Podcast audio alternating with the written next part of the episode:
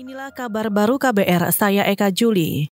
Kementerian Dalam Negeri atau Kemendagri mendukung usulan aturan yang melarang bekas narapidana koruptor maju dalam kontestasi Pilkada 2020. Sekretaris Jenderal Kemendagri Hadi Prabowo menyatakan, meski saat ini undang-undang masih memperbolehkan napi koruptor maju pilkada, namun Kemendagri akan mengawal usulan aturan yang melarang agar segera diberlakukan menjadi undang-undang. Ya itu kan regulasinya kan bukan dari Kementerian Dalam Negeri, Kementerian Dalam Negeri yang melaksanakan sehingga kita nanti kan juga ikut di dalam pembahasan. Ya. Sekjen Kemendagri Hadi Prabowo belum mengetahui apakah aturan itu segera diusulkan dalam revisi Undang-Undang Pilkada. Ia berharap DPR menimbang usulan aturan ini, apalagi banyaknya kepala daerah yang tertangkap Komisi Pemberantasan Korupsi atau KPK. Sebelumnya, KPK mengusulkan aturan untuk melarang bekas napi koruptor maju pilkada. Menanggapi itu, KPU menilai pelarangan itu idealnya juga diatur dalam undang-undang. Saudara Istana Kepresidenan mengklaim wacana Presiden Joko Widodo mengimpor rektor dari Korea Selatan bakal menumbuhkan semangat kompetisi dengan dosen lokal. Kepala Staf Presiden Muldoko mengatakan, kompetisi tersebut yang akan mendorong dosen lokal terus memperbaiki kualitasnya.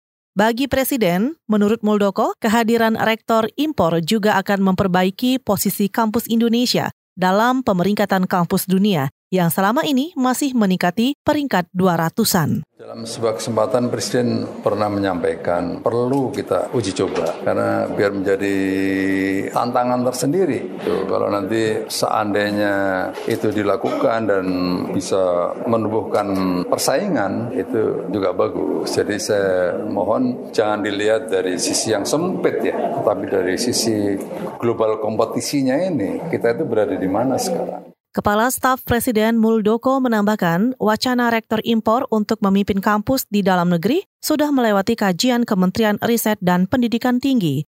Importasi rektor perdana asal Korea Selatan dimulai tahun depan. Muldoko menjamin rekrutmen rektor asing dilakukan secara hati-hati. Kita ke berita olahraga.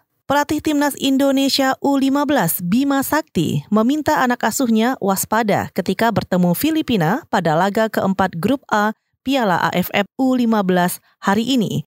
Di atas kertas, tim Garuda Asia diperkirakan tidak akan sulit untuk mengalahkan Filipina, apalagi posisi Filipina yang menempati juru kunci klasemen sementara tanpa poin. Dari tiga laga yang sudah dijalani, Filipina kebobolan 11 gol dan baru memasukkan dua gol. Kemarin, Timnas Indonesia U15 juga telah menggelar sesi latihan di Kok Bangsai, Konburi, Thailand. Sesi latihan ini dilangsungkan untuk pemulihan kondisi pemain setelah menjalani tiga laga beruntun dalam waktu enam hari. Saudara demikian kabar baru, saya Eka Juli.